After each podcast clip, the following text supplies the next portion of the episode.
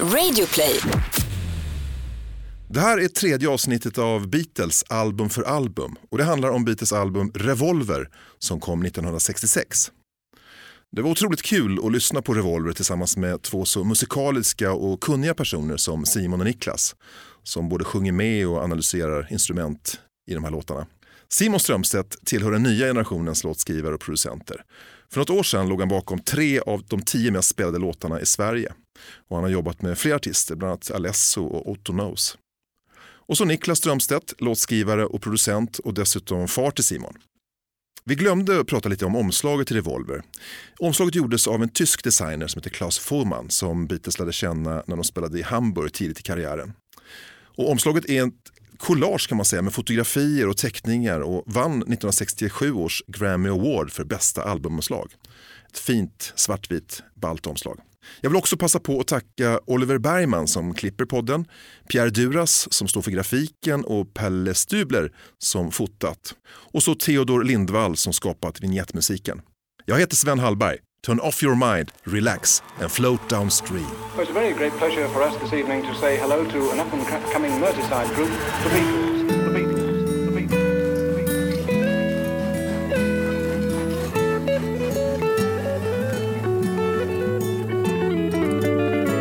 Då säger jag välkommen till Simon och Niklas Strömstedt. Tack. Hej! Tack så mycket. Vi ska prata om eh, Revolver som många anser är ett av Beatles bästa album eller till och med allra bästa albumet. Ett album som kommer till när man märker en stor utvecklingskurva på Beatles. Mm. Innan har man då släppt Rubber Soul som är väldigt utvecklat då jämfört med det som har kommit innan. Mm. Så Beatles befinner sig någonstans i sin kanske mest kreativa och eh, väldigt positiv anda. Men innan vi snackar om plattan och om, om musiken så tänkte jag fråga er. Eh, du Simon, när, när mötte du Beatles första gången och hur gick det till? Jag mötte Beatles väldigt tidigt. Ehm, jag hade, man kan säga att jag hade inte ett val i, i att lyssna på Beatles utan kommer ihåg, eh, det var faktiskt morsan tror jag som från början var den som prackade på Beatles med mig för, på landet kommer jag ihåg när jag var fem, sex år så, så var det ju Beatles-plattor som, som spelades om och om igen. Då var det äldre Beatles-plattor, det var 63, liksom 62, 63 och sådär. Och sen, det var inte senare än With the Beatles liksom, utan så det var ganska mycket covers fortfarande. Men, eh. Men du, det är inte alltid positivt när man får en massa inmatat från föräldrarna. Oftast så revolterar man ju mot det. Men du, någonstans känns det som att du har behållit intresse för Beatles eller du har börjat gilla Beatles. Ja, alltså jag, ehm, jag fick Beatles från början utan att, jag, jag valde det inte själv liksom, men ehm, sen fick jag utveckla mitt lyssnande själv. Och eh, sen eh, så förändrades det väldigt mycket från, från vad jag från början fick höra. Så. Och Niklas, du är ju lite mer i Beatles-generationen. Du fick ju Beatles liksom med, med barndomen, Ja, antar jag.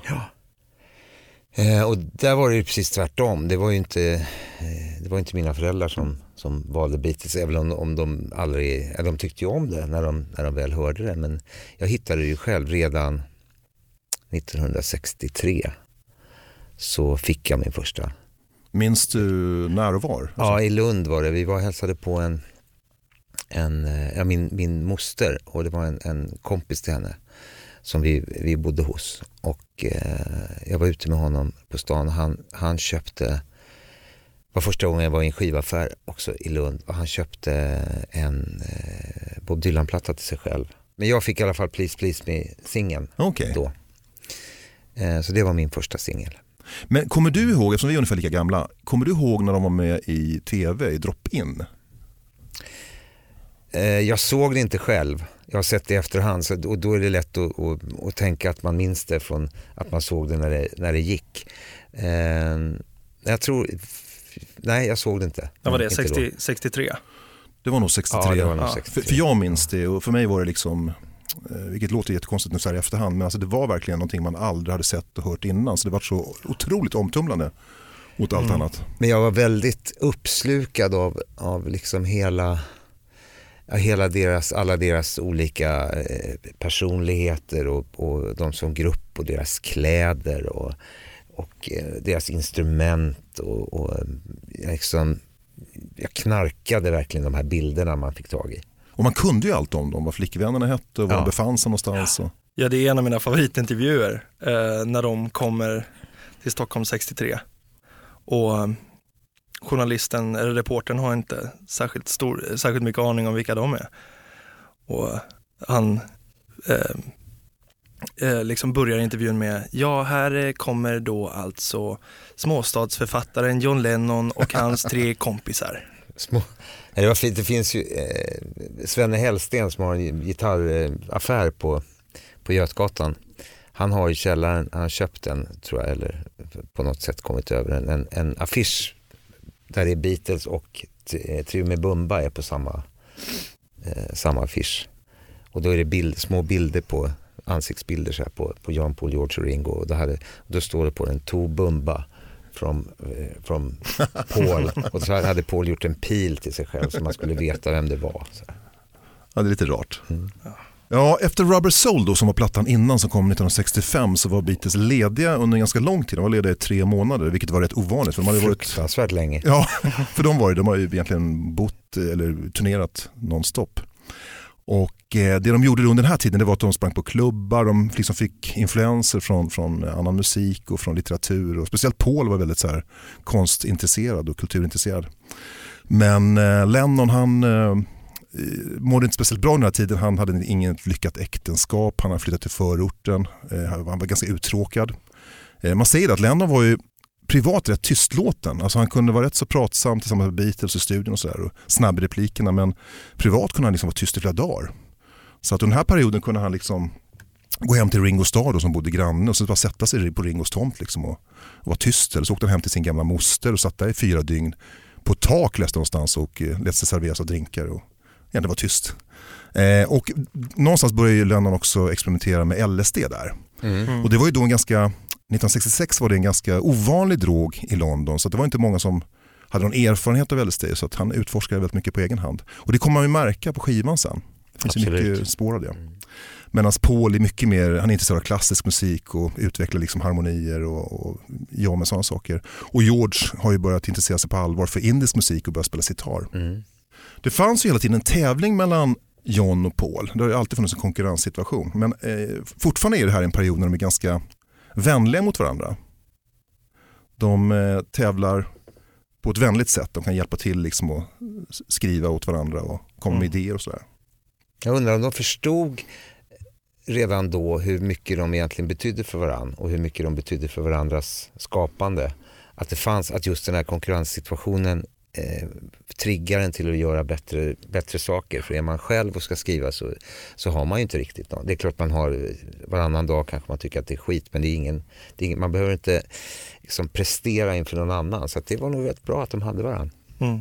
Det är bra, också så skapar man ju en tredje hjärna. Mm. Så det blir ju, tillsammans så är de ju, om de, man säger att den ena skriver en vers, den andra skriver en refräng och sen så, så måste det finnas en brygga mellan det. Liksom. Och där är det en tredje människa som är de två tillsammans som, som sätts ihop och blir en, en tredje hjärna. Liksom. Ja, som aldrig hade hänt om Nej, de två inte hade precis. träffats. Precis. John är fortfarande ganska rätt fram. Så det finns något exempel på när Paul håller på att jobba med Yellow Submarine i studion. Så har han lämnat något band där och så har John skrivit en liten post-it-lapp då. Discussing. han tyckte det var urlarvigt. Eh, så att det, tonen, kunde vara, tonen kunde vara ganska rå. 1966 så släpper Beach Boys albumet Pet Sounds. Eh, och det är ju en platta som eh, många menar liksom, eh, också har en stilbildande och betydelsefull platta. Han var, var ju väldigt influerad av Rubber Soul. Verkligen, det fanns en tävling dem emellan också. Ja. Mm. Brian Wilson och, och Beatles. Och Bob Dylan släpper då albumet Blond on Blonde som ju också är en sån här riktig milstolpe i, i pop, poppen. Och The Birds släpper albumet Fifth Dimension. The Who släpper albumet Quick One och så vidare. Och det här året är också sista året Beatles turnerar. De avslutar sin USA-turné som är den tredje turnén då i augusti 1966. Och de är ju alltså riktigt trötta på att turnera. Det är rätt stökiga turnéer. Och speciellt USA-turnén där sista är ju rätt tråkig. John gör det här uttalandet. Jag minns inte vad han säger men Bigger than, than God, Bigger than Jesus now. Jesus now. Ja. Ja. och, och syftar inte han på att För ungdomarna i. USA så är de mer kända Ja, än det Jesus. han. så det var ju Ja. rätt, hyfsat harmlöst. Men det här Kristen, blev ju, kristendomen är på väg ut. där, Ja, exakt. Nu när vi är större än... Det var ett riktigt... utan att värdera egentligen. Utan det var bara ett Ja, konstaterande. precis. Nej, men det var ju, blev ju en väldig kris. Alltså för, för Beatles. För de, folk köpte ju skivor för att bränna dem typ. Så var det och eh, jag vet att deras eh, turnéledare, eller deras manager Brian Epstein, han funderade på att avbryta turnén för de fick ju dödshot också. Mm. Klux Klux Klan var ju med och protesterade och sådär. Plus att det måste vara jobbigt att, att turnera och, och veta att man egentligen inte hörs ut liksom. när Man spelar. Ja. Att Alltså skrik. spela, ja, spela i den, med den utrustningen eh, och spela för 50-60 000 pers. Det är liksom, ja man fattar att det är, De hör väl inte sig själva Nej. nästan. Och jag såg i den här filmen som kom för något år sedan, Eight Days a Week, mm, hur de transporteras bort då från den här, heter den Shea Stadium, ja. i någon jävla eh, transportbil. De Ja. sitter liksom i, i en, vad heter det, bak på en Lastutrymme. bil. Lastutrymme. ja. Mm. Inga stolar eller någonting och far omkring mellan väggarna. Och då börjar väl fråga sig själva, alltså, är det här det livet går ut på egentligen? The good life. Ja. Så jag tror när de kom in i studion och började jobba med Revolver, då är de riktigt sugna på liksom att göra, skapa musik och ut Studiomusik. Ja men eller hur. Mm.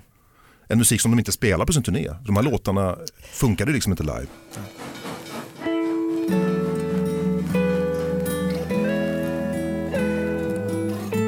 Hörrni, nu ska vi lyssna på vad som låg på Kvällstoppen eh, samtidigt som den här skivan släpps. Eh, jag tänkte, Niklas du kanske kan gissa på intron här vad det är för låtar.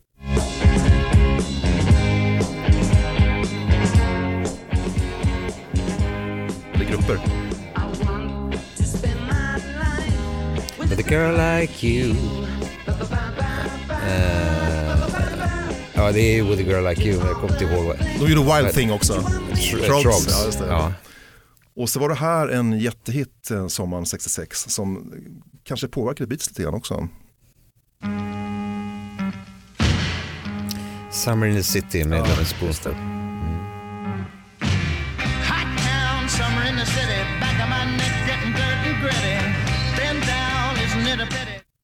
Och så låg det en svensk grupp på Kvällstoppen också. Tages va? In My Dreams. De kallas för Sveriges Beatles. Tages var väldigt bra. Du har ju träffat Göran Lagerberg. Oh, ja. Han är kompis med din mamma. Och just att Göran Lagerberg var väl Han var lite grann musikaliska motorn Ja, det var han. Tages. Det var han. Mm. Så lät det på kvälls, Kvällstoppen. Okej, vi- det är vinyl. Vi börjar med A-sidan och eh, första låten där är Taxman som är en eh, Harrison-låt. Mm. Och det är George som sjunger också. Eh, och det här är en låt som är lite kritisk mot skatterna i England. Mm. Eh, det var ju lite Astrid Lindgren problematiken att man skattar Ja, de nästan mer. 95% i skatt om man kommer upp i Beatles inkomster. Och det De nämns, nämner ju eh, Heath och Wilson va? just det, Mm. båda politikerna, både den Mm. konservativa och socialdemokraterna. Och så här låter det. Och det ska vi lyssna på sen också, gitarrsolot. Ja, det- three, four, one, two. Underbar inräkning. Världens konstigaste inräkning.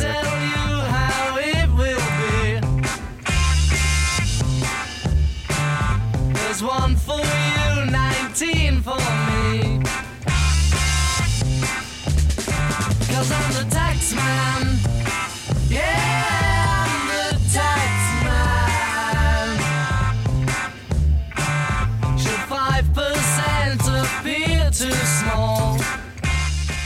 Otroligt stark sång. Ja, det är snygg, det är schysst ljudbilden och liksom, sången ligger väldigt, mycket, väldigt ensam. ju. Ja.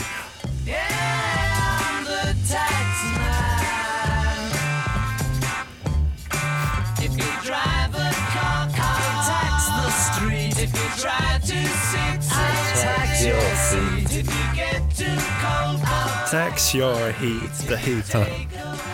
I tax your feet. Taxman!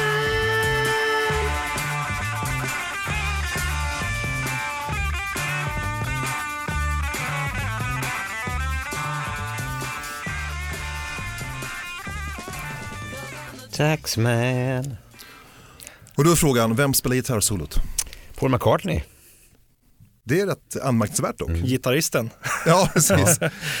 Det är Harrison som har skrivit den och gör den, men eh, Paul spelar gitarrsolo. Och fått mycket beröm för det här. Ja, det är jättehäftigt gitarrsolo. Och så är det lite, lite kul att, att plattan öppnar med en Harrison-låt. Det, Det, är måste ju känt väldigt eh, Ja.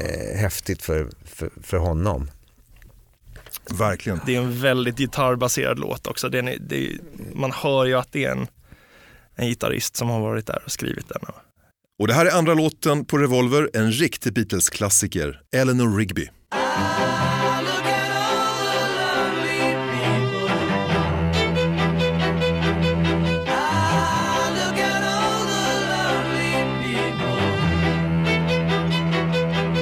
Eleanor Rigby up the rice in the church where a wedding has been. Lives in a dream, waits at the window, the face that she keeps in a jar by the door. Who is it for? All the lonely people. Det är fantastiskt tycker jag. Och med antalet George Martin som har eh, Arrat. arrangerat ja, ja. stråkarna. Mm. Sex stycken stråkar. Är det sex? Magiskt. Ja, det är fyra fioler, ehm, två violiner, två cellos. Violas, två cellos. Då blir det åtta. Nej, jo det blir det. Det blir åtta. Jag är Ja. inte så bra på matte, det är därför jag håller på med musik. Ehm, jo, nej men, um, annan rolig grej. Jag läste att uh, Father Mackenzie var från början tänkt att han, Paul McCartney ville skriva Father McCartney. Men ändrade det för att han inte ville oroa, sig, oroa sin pappa särskilt mycket. Så mycket. Så att, Okej. tog, han upp, Ja. Ja. tog han upp gula sidorna och Och pekade. pekade på Mm. Mackenzie istället. Ja, för Eleanor Mackenzie är Rigby, mycket lättare att sjunga än McCartney också. Mm. Eleanor Rigby, det lär finnas en gravsten med det namnet på i Liverpool, St. Mm. Peter's Church. Mm. Nästa låt, det är en eh, Lennon-komposition.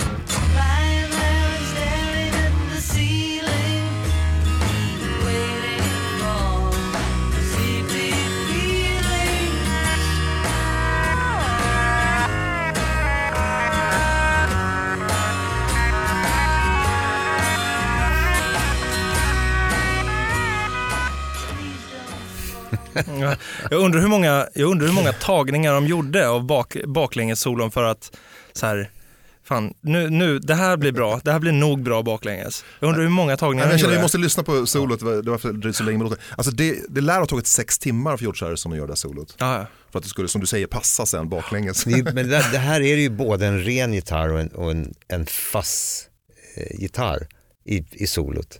Man hör, man hör det faktiskt. Och så få ihop dem ja, baklänges. Det är bra gjort. fast där kan de ju spela in, kan de inte spela in där bara rena, Jo, det kan de göra. Ja. rena signalen och, och fast-signalen? Nej, jag tror fastsignalen är egen. egen. Alltså han spelar den ju två gånger, det tror jag. Alltså de har lagt på den två gånger. Ja, det är Ja, det var mycket jobb i alla fall. mycket jobb. Ja. Bra låt, alltså Ja, välskrivet. Jag tror, ändå, jag tror Paul har varit inblandad lite grann i alla fall. I Man det här. hör det hörs det lite grann i ibland. sticket. Ja. Ja, det är lite McCartneyskt. Keeping alive on the world going by my window. Ja, Ja. där hör man det verkligen. Uh, fan, den är, så, den är så stökig. Den är så smutsig och man hör man liksom bara ringa racka gitarren som akustiska gitarren som är så ful, snygg. Otroligt smutsigt. Dags för George igen och eh, lite mer indiskt.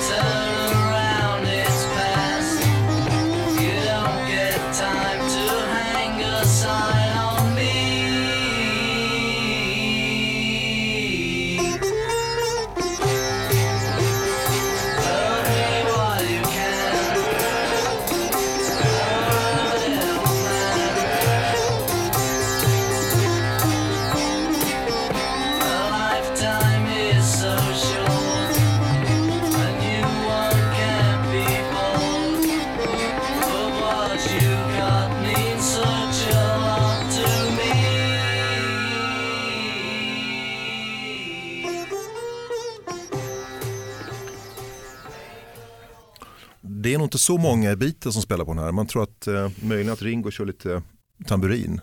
Mm. Ja, det är tablas va? Och, Ja. och sitar och... Fan, Ravi Shankar, hade han kommit in i bilden här redan? Eller, Ja, de, de, jag vet att de umgicks i alla fall och Ja. eh, han blev presenterad av George för resten av Beatlarna. men han har inte varit med och Jag spelat? tror inte han är med på den här för det var någon grupp som hette eh, North London Asia Music Circle. Och sen tror man att det är en inhyrd musiker som spelar sitar faktiskt, att det inte är George. Mhm. Eh, men jag tror inte Ravi Ah, ja. Shankar hade kommit med i, en- i inspelningarna. Ja, den här, jag, jag, eh, George får ursäkta i sin himmel. Det här är inte ett, ett av mina fav- favoritspår från Revolver. Men, jag är eh, ingen sitarkille kanske. På Jag det säga att det är extremt, alltså den här, den här låten eller eh, den här låten och, eh, och I'm only sleeping som vi precis lyssnade på. Det är låtar som, det är extremt många band som, som eh, kör psykedelisk rock idag som har inspirerats av och som, som jag lyssnar på väldigt mycket. Och det är, man bara hör hur den här låten är så återkommande hela tiden i, eh, Du är lite psykedelisk alltså. ja men, mer än du. Ja. Eh, jag tycker det är skitcoolt men, eh, men eh, låtmässigt, melodimässigt så, så är inte den det, det, är, ju- det är ju inte den, den låten som, som hänger med en längst men den är extremt nyskapande. Men det är inte kaxigt också att ta med den här låten? För jag kan tänka mig bara label manager på EMI och skivbolagsgubbarna står där och river sitt hår. Ska det här verkligen vara Ja, med? absolut, Nej, men det är jätte, jättekaxigt att ha med låtar som, som skaver lite grann och som, eh, ja, som inte är direkt. Det här är ju ingen, liksom när man sitter runt, eh, runt lägerelden, att man säger ska vi, ska vi ta och spela lite på, på Love You Too? Nej, men det är ju inte nästa, det är ju inte som nästa låt. Nej det är det inte.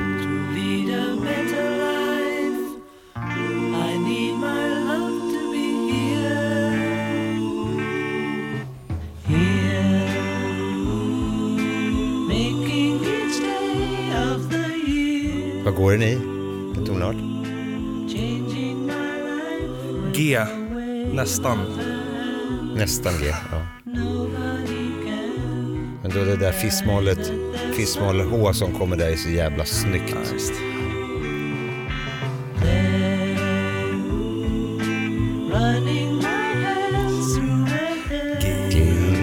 Om hon skjuter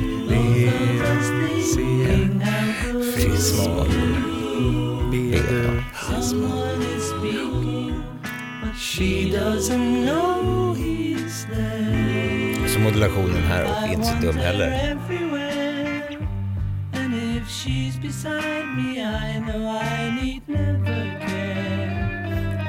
Öka lite ökar lite, lite snabbare.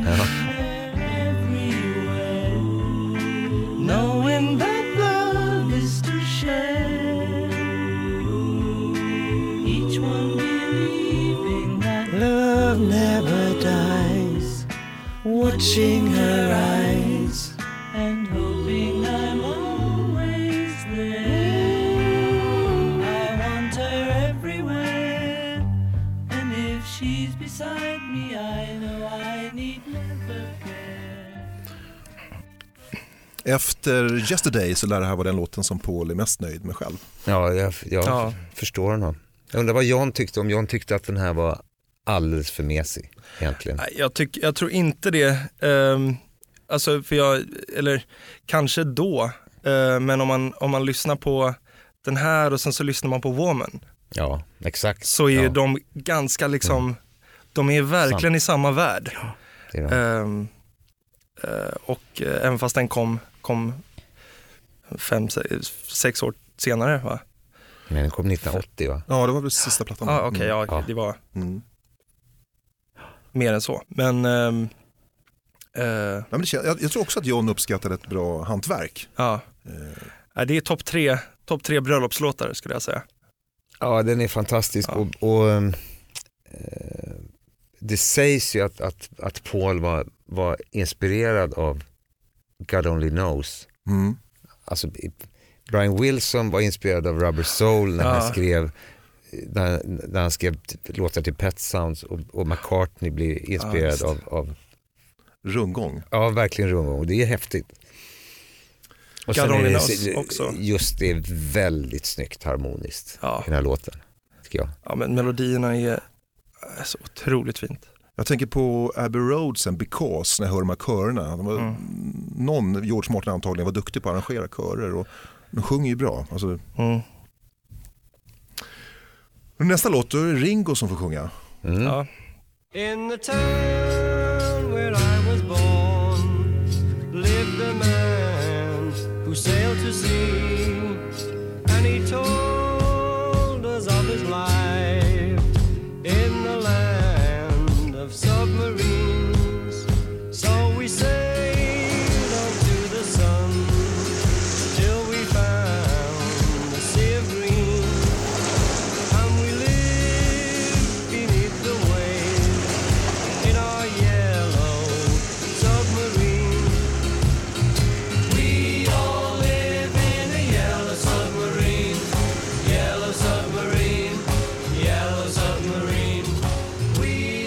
Till slutet där det börjar spåra lite.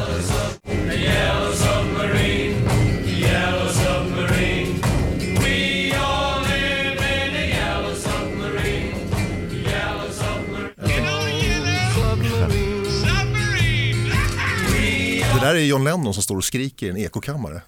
Ja. Det var faktiskt improviserat, han skulle repetera allt som Ringo sjöng. Härligt, härligt. Ja. Jag tror de hade kul när de spelade in den här. Ja, jag var ju åtta år när den här skivan kom. Och det här är ju, det är Det ju är en barn, perfekt. Det är en ju barnlåt. barnlåt. Liksom, så att, eh, eh, och, och ju, ju äldre jag har blivit, ju färre gånger per år lyssnar jag på Yellow Submarine kan jag säga. Det, är- så blir det ju. Jag tror, eh, eh, Donovan var med och skrev på den här också. Just det, ja. bidrog med lite text tror jag. Mm. Och det är kul för alltså Brian, Brian Jones från Stones är med i studion. Han sjunger lite och han plaskar lite i vatten. Men Faithful är med och sjunger. Så- De hade lite party. Jag tror att det är lite party. Ja. Och George Martin får leka loss med ljudeffekter och klippa band och hålla på. Och Ringo får sjunga. Och Ringo sjunga. Ja, ja, det Men vad säger vi om Ringos sångröst? den är inte vacker alltså. Tycker jag. Nej, jag tycker han, han, eh, tycker vissa låtar, Will, Will Little Help From My Friends tycker jag är helt, helt okej. Sen tycker jag han, han gjorde en solo, när han började göra lite sologrejer, så gjorde han en låt som heter Fo Photograph tror jag, som någon gång i början av 70-talet måste det ha varit, som jag tyckte om, minns jag. Men han är ingen jättestor, så han är inte i närheten av, av, av de andra tre. Men det finns en melankoli tycker jag i Ringos röst som, som jag gillar tycker det låter väldigt, det låter ganska, hans röst låter ganska körig, som att han har stått i en stor kör och sjungit. Men aldrig riktigt har sjungit, Klivit fram. klivit Nej. fram och sjungit solo. Utan det, är, det är väldigt mycket den här liksom, Ja, han- jag tycker han låter lite korkad när han sjunger på något sätt. Jag, Men, men de använder honom på rätt sätt tycker jag i rätt låtar. Som nu, With Little Help till exempel. ja. Eller ja, Octopus's Garden, in, inte, in, inte heller en favoritlåt, men där får han ju också kliva fram och sjunga lite. Nu kommer det låten som man spelade in allra sist till Revolver och det var Lennon som kom springande i sista stund. För att, som sagt, det fanns ju en tävling då emellan och han ville ju inte ha färre låtar än Paul på, på Revolver så att då kom han upp med den här.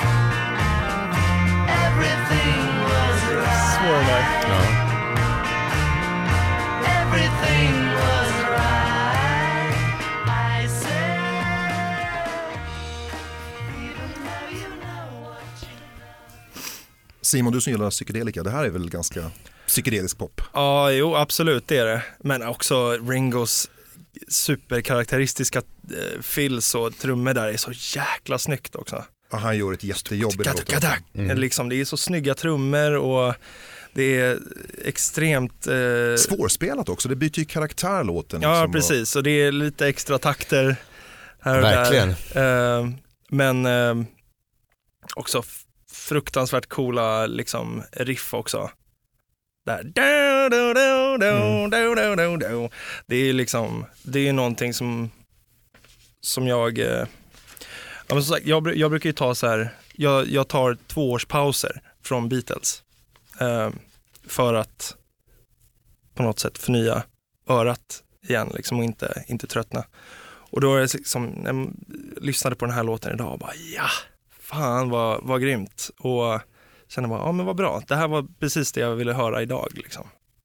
Eh, och det känns så otroligt fräscht. Lite, inte så psykedeliskt ändå. Nej men den är lite, den, det hörs att Paul inte är med. För det är George som spelar bas och det blir liksom lite kantigare, lite, Ja. Ja men och sen så är det också ganska, eh, eh, om man kollar på melodierna, eh, sångmelodierna så är det ju också ganska svävande eh, melodier. Och det är liksom mycket Paul över att det ska vara ganska, ja men ganska släpigt och ganska, det ska inte riktigt, för när, när Paul är med så känns det alltid som att det finns en sån tydlig struktur och en, en klassisk struktur i hur, hur en melodi är uppbyggd. Men här är det bara mm och det är kul att du säger det, för att vi har pratat om det tidigare i den här podden, att, att eh, de skriver på helt olika sätt. John var mycket mer så här små bitar, vilket gjorde när man gjorde det här medlet på Abbey Road så hade ju John en massa bitar som inte var färdiga liksom. Mm. Medan Paul har en idé i huvudet från början till slut med stick och alltihopa. Jag vet inte, har ni hört storyn bakom texten, om den nu är sann? Eh, John Lennon eh, har ju skrivit den här tillsammans, eller förmodligen påverkad av LSD. Eh, eller han har varit i alla fall påverkad av LSD när han träffade Birds va? Ja, precis. Eh, och eh, träffade då skådespelaren Peter Fonda som kom in rusande och Peter Fonda ska då berätta om någon upplevelse som var så här nära döden upplevelse eller hur han upplevde som att han hade, inte hade levt. Eh, och John blir superirriterad liksom och kunde vara så här, han kunde förmodligen vara ganska vresig och lite aggressiv. Mm. hade sett en film med, med Peters syrra innan också, Jane Fonda som var jävligt dålig. Så, att, så det ska väl handla lite grann om det här att han liksom lite sarkastisk över Peter Fonda. Ja. Lite knarkigt också. Lite knarkigt också. Lite knarkigt. Så är det ju. Poddtips från Podplay. I podden Något Kaiko garanterar östgötarna Brutti och jag, Davva, dig en stor dos skratt. Där följer jag pladask för köttätandet igen. Man är lite som en jävla vampyr. Man har fått lite blodsmak och då måste man ha mer. Udda spaningar, fängslande anekdoter och en och annan arg rant. Jag måste ha mitt kaffe på morgonen för annars är jag ingen trevlig människa. Då är du ingen trevlig människa, punkt. Något Kaiko, hör du på Podplay. Därför är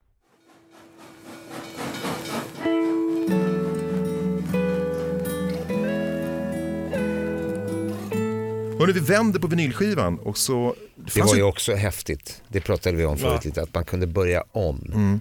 Liksom att, det var ju ofta man la en jävligt stark låt som B1. Ja men exakt, för det fanns en dramaturgi i hur man placerar låtarna. Vad som Ja. ligger först på första sidan och först på andra sidan. Vad som ligger sist på sista sidan är också jäkligt viktigt. Eh, och den börjar väldigt positivt, sidan B. Och det är väl liksom en, fångar väl den här stämningen som är London sommar 1966. Det var en varm sommar, det var en fin sommar.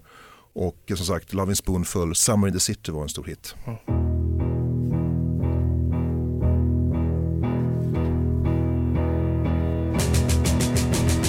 Good day, sunshine. Good day, sunshine. Good day, sunshine. I need to laugh. And when the sun is out, Verkligen. Can laugh about. I feel good in a special way. I'm in love and it's a sunny day. Good day, sunshine. Good day, sunshine. Good day, sunshine. We take a walk, the sun is shining down burns my feet as they touch the ground.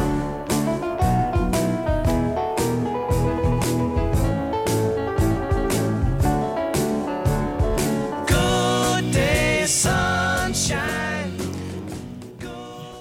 Ja, om du, Det är om inte du, många moln på den himlen. Nej, verkligen inte. Nej. Om du spelar versen på, på Daydream med Loving Spoonful så, så hör man ju att den är grymt inspirerad Ja. av, av den. Har du hört den Simon? Nej, det är möjligt. möjligt. Mm, what a day for a day Ja, ja, gud ja, gud ja. Ja. What a day, a day, Daydreaming what a- now. Ja. Ja, eh, nej, jag, jag eh, tycker det blir så jäkla gubbigt med, i, i den här versen med det här Jared Lee Lewis pianot. Dun, dun, dun, dun, dun, dun, dun, dun. Jag tycker så, åh, trött men, men annars liksom världens, världens härligaste, soligaste refräng. Men det, jag har lite svårt för det, för det där. Den, den versen. Ja, om, jag fick välja en låt om, om, om en Beatles-låt om sol så skulle jag nog hellre ta eh, Here comes the sun. Ja, Harrison. Mm. Som är första låten på B-sidan på Abbey Road. Mm. Det är Checka Paul. Ja, checka Paul, verkligen. Och det är ju kontraster för sen kommer ju John.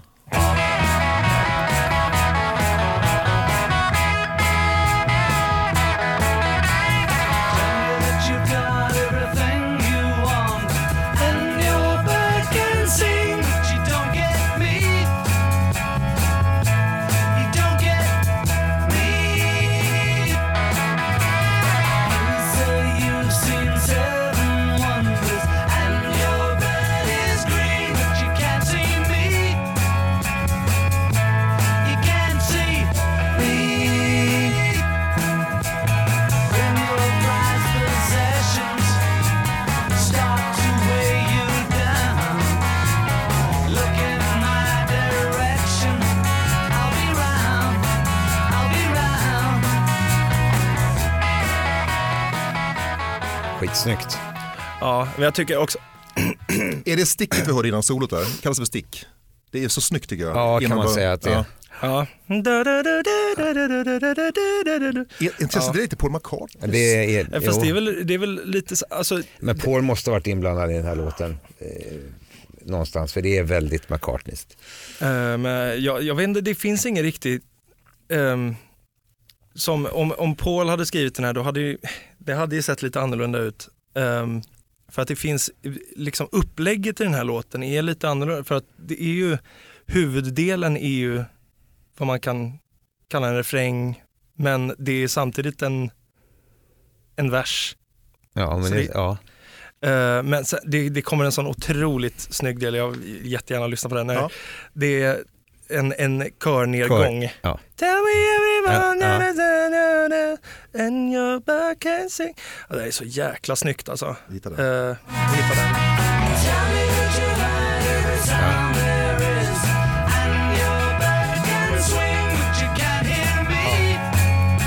Det är så otroligt fint.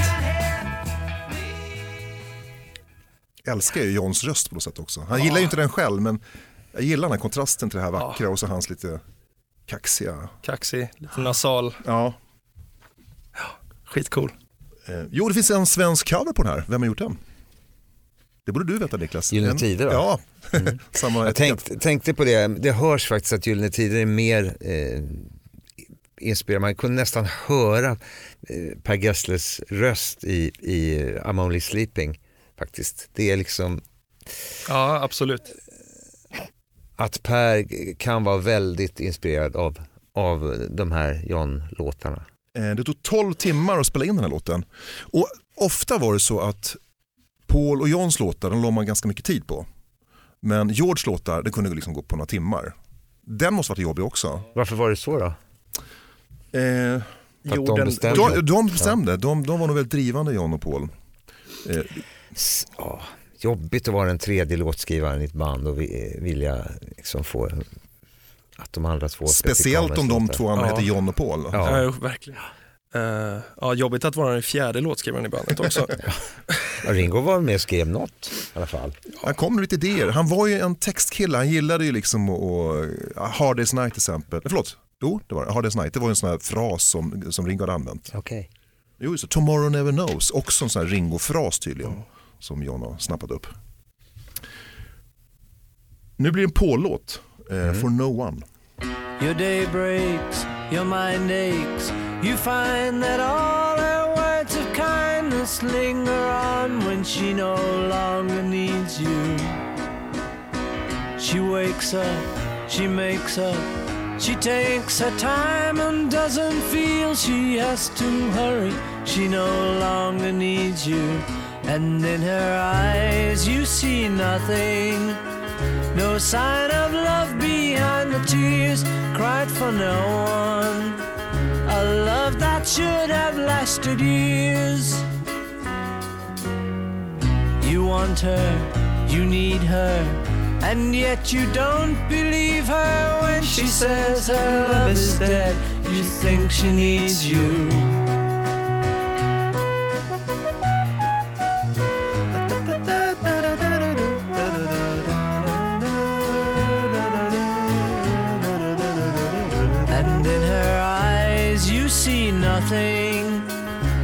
Sign of love behind the tears cried for no one. A love that should have lasted years. You stay home. Av Beatlarna så är det bara Paul och Ringo som spelar den här faktiskt. Okej. Nej, det är så vackert som man blir nästan Ja, tår. ja, det, det här är min favorit på plattan. Och jag hatar att den är så kort. Mm. Som resten av låtarna också är i och för sig. Men ja, det, jag, jag älskar den här. Men hade du gillat den lika mycket om den hade varit f- 5 och 46? Eh, nej, men, Då hade man ju tröttnat på den. nej, men ge den en minut till i alla fall. Eh, och sen ett, Ja, kanske ett, ett litet instrumentalstick som kommer in där med lite flöjt och jag vet inte. Uh, ja, ja, det är väl bara för att jag vill ha mer av den, men kan väl är så sätta, sätta på den igen då. med det här klavikordet och, och, och franska hornet. Och, nej, Ja, jätte, jättefint. Lite trivia då, de har spelat in den här låten, eh, de eh, pitchade ju hastigheten på rullbandspelaren så det skulle passa sångrösten. Så det här låg mellan två tonarter, mellan G och H tror jag det var. Så när den här valthornsblåsaren kom in då så, shit det här funkar ju inte. Nej. Jag kan inte spela den här tonen, som trixar ganska mycket med det tydligen. Men han spelar solot helt eh, efter eget huvud så att det är han själv arrangerat. Ja, jag satt faktiskt och ehm, eh, när jag satt och lyssnade på det här albumet senast så var det så här, ah, fan vad nice, nu tar jag fram gitarren, Mm. ska spela till den. Delvis så det går ju inte att spela till, till om, man, om man stämmer en- gitarren efter en låt så, så spelar man till nästa låt, då funkar det ju inte då. För att delvis så har de ju stämt gitarrerna, de har ju stämt instrumenten efter varandras instrument på vissa låtar. Så att de har inte tänkt, ja men det här ska vi stämma i 440 hertz. Nej. Och i vissa låtar så är bandet Pitchat. pitchat Mm. ner eller upp. Så att det är helt omöjligt att liksom sitta och spela med ett helt album liksom. Lite tråkigt men Ja. ja. Nästa låt det är Dr. Robert eh, med John Lennon som sjunger.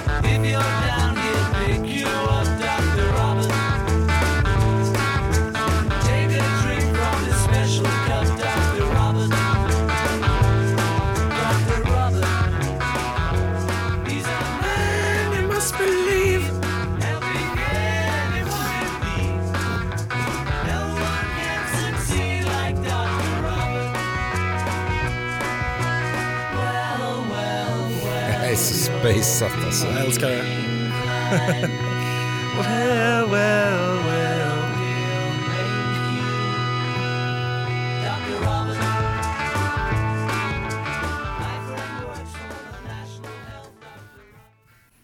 Det här känns ju verkligen som en, som en låt som på samma sätt som så här, Being for the benefit of Mr Kite, som att de har bara sett en jävla någon reklampelare för Dr. Robert. Jag vet inte riktigt hur storyn Alltså, det är. finns flera stories, Ja. eh, lite olika versioner. Knarkdoktor. Ja, exakt. Antingen var det då en läkare som gav eh, John och George LSD i kaffet utan att de visste om det. Gött. Låter ju eh, konstigt. Eller var det en New York-läkare som gav sina patienter typ amfetamin i deras vitamininjektioner för att skapa någon sorts beroende. Ah, Ja. För att han skulle behövas. Han skulle bli behövd, Ja, precis. Jag vet inte om det Så kan man också är sant. Ja. Jag gillar det här, det här gitarrljudet som är liksom, det är ganska rent men stenhårt. Liksom. Det är ofta Ja. så, om man jämför med hår, liksom distade hårdrocksgitarrer så blir det ofta mycket, mycket tuffare och, och hårdare med rent. Ja men det är super, det är, Det är li- lite sprickigt men det är rent liksom. ja. Nej, det är, jag tycker, Stenhårt. Tycker jag det är så nice när Paul eh, kommer in och liksom får ryta till för han har sån jäkla snygg röst när, när han faktiskt får, får verkligen ryta vilket, vilket eh, man hör senare i, i plattan också men också så här när det blir eh, som man gör på I got a feeling i Ja, Pauls Ja. rock, rockröst. Ja. Hans rockröst exakt. liksom är så Mm. jäkla bra, i, liksom, speciellt när den kommer in där bara He's a man who Ja. must believe. Ja, det är skitcool.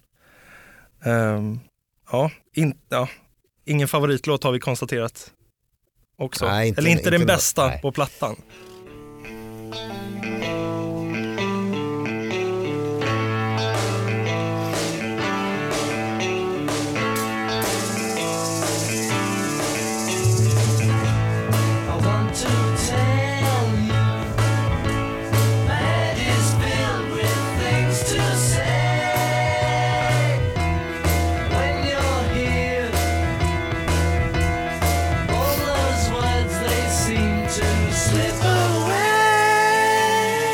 Surt.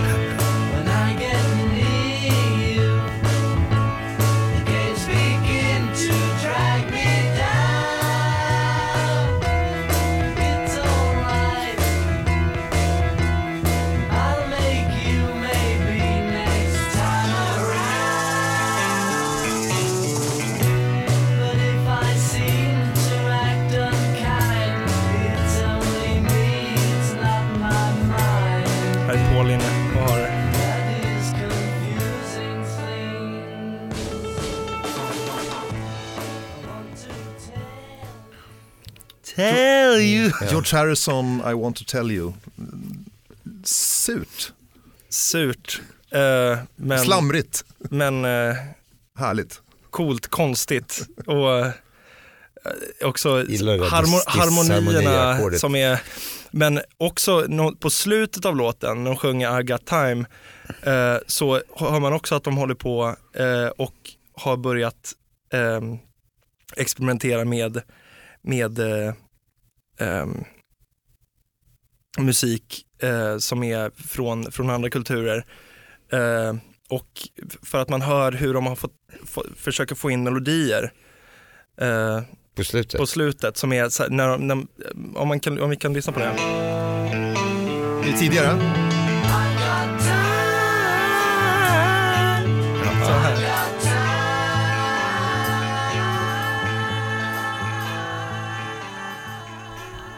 Verkligen, Ja. indiskt. Ja, det är det. Indiskt. Ja. Mm. Det är George tredje låt till Revolver. Han börjar bli riktigt produktiv här, eller insläppt ska man väl säga av Ja. ja. Paul och John. Eh, texten eh, lär vara inspirerad av just österländsk filosofi som jag misstänker att George läste mycket just då. Mm. Nu blir det soul. Got to get you into my life med Paul? McCartney bakom Mm. mikrofonen. Precis.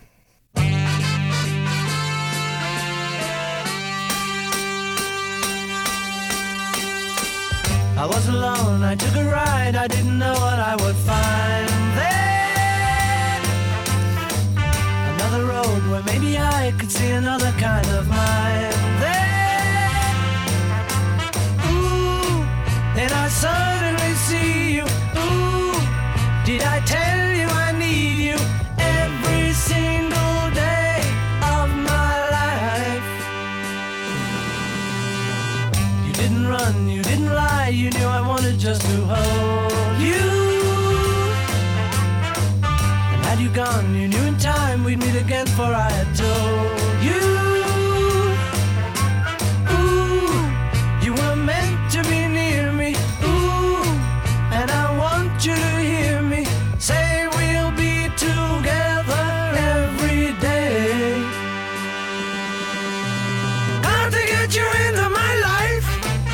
pipa där. Ja, där, är, det, där har vi rockpipan. Mm.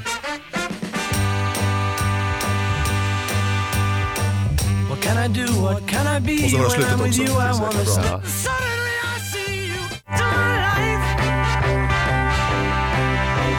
Ja. Ja. Det här. Nej. Tänk innan det där också. Jävligt coolt. Nej, men, eh, när gitarren här. Här är världens snyggaste riff. Ja. Det är så jäkla snyggt. Alltså det där, det där riffet hade jag velat liksom göra en låt på. Bara det där riffet. Jag hade velat att de hade gjort en, En låt bara på en det låt riffet. bara på det där. Men gör en låt på det riffet då. Gör det. Ehm, ja, alltså jag, jag kollade på Vänner ganska mycket för, för ett halvår sedan. Och de har ju så här, deras vignetter, deras jinglar som går emellan scener och så, då har de snott, liksom, då har de tagit eh, inspiration ifrån stora låtar genom tiden. Så då är det bland annat Roxanne har de tagit, som är med i så här, en, tappning av Ja. Roxanne. Och sen så har de tagit just det här Det riffet. Down, down, down, down. Snyggt. Alltså, det är så jäkla snyggt. Got to get you into my life. Eh, det var, här var ju en period när de sprang mycket på klubbar och sådär och eh, hörde Supremes, eh, hörde Georgie Fame. Mm. Och det är hans band som är med och spelar blås på den här. Ja, det skulle Mm. vara någon slags Ja. Motown. Ja, det är mm, väldigt Motownigt. The Blue Flames heter de som spelar. Tydligen en ganska grötig inspelning från början så att George Martin med hjälp av John Lennon fick liksom jobba mycket med mixen för att få det här att låta lite luftigare. Bra låt. Jättebra låt. Ja. Mm. Earth and Fire har gjort en bra cover på den. Alltså, ja, det är många som har gjort. Mm. Typ, Stevie Wonder spelat in den här också. Tror jag. Kanske han har gjort. Nu kommer nog Simons favoritlåt i alla fall. Är det inte det? Tomorrow Never Knows. Eh, Jag har sagt For No One är min favoritlåt, men ja, det har du sagt. Men jag tänker att det här var väl Lite en av de låtarna som drog igång psykedelika. absolut. Jag älskar trummorna framförallt.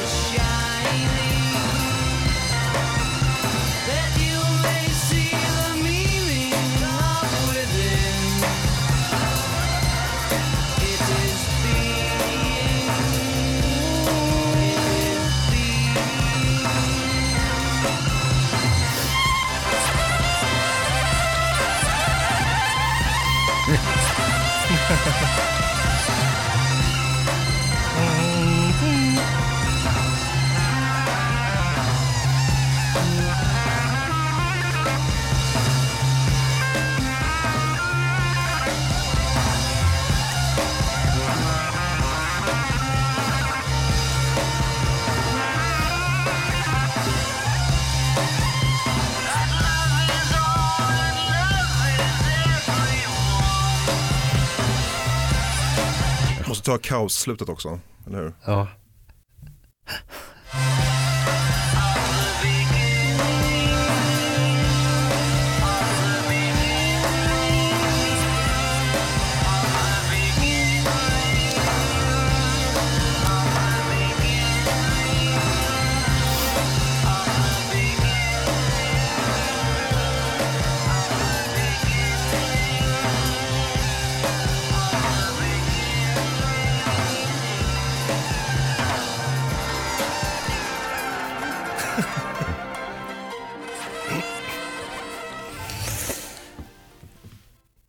Ja. piano där också. Ja, lite, Jag kan säga att det kanske var en liten li- lätt, lättviktig eh, demoversion av eh, Number Nine som skulle komma sen så småningom. Ja. Man, hör, man hör ju vartåt det pekar liksom. ja verkligen. Nej, men sen så har man ju hört att här, nu, här får ju ehm, eh, Lennon får ju, får ju ut alla sina, alla sina idéer och alla sina känslor som han vill få in i den här låten. Han, han, han får ju pressa in allting här, här liksom.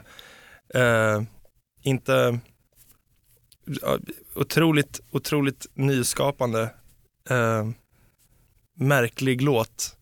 Eh, om man hör att McCartney har inte fått så mycket att säga till om. Nej men jag undrar om det var så här, om, om de höll på så och säga, om, okej om du ska ha med Here, there and everywhere, då ska jag fan ha med Tomorrow. Never Knows. Han fick inte riktigt som han ville, han ville ha med 100 tibetanska munkar. Men det lyckades inte George Martin lösa. Aha, Så okej. att då föreslog han att vi gör så här istället. Så spelade in bland annat Paul McCartneys skratt. Det är det, det som låter som fiskmåsar. Det är Okej, eh, baklänges McCartney. Eh, Jag skrev upp här, det är alltså en, eh, ja, det är skrattet baklänges, det är en orkester i B-flat major. Det är mellotron med det här flöjtljudet. Mm. Det är mellotron med strä- strängar. Och sen en sitar som spelar, eh, som man har spelat in eh, heavy saturation, vet du vad det betyder, och speedat upp den.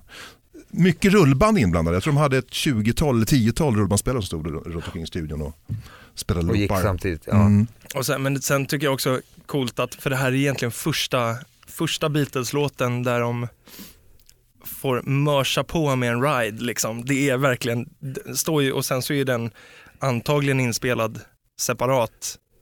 För att den, den ligger och mörsar där hela Vad tiden. ride? Liksom. Ride-symbol. Ride-symbol, Ah, ja, ja, en ja. symbol som bara Mm. går och som ett sorl i bakgrunden hela tiden. Mm. Och det har ju inte riktigt använts på det sättet innan dess. Liksom. Och sen så är ja, jag tycker trummorna är också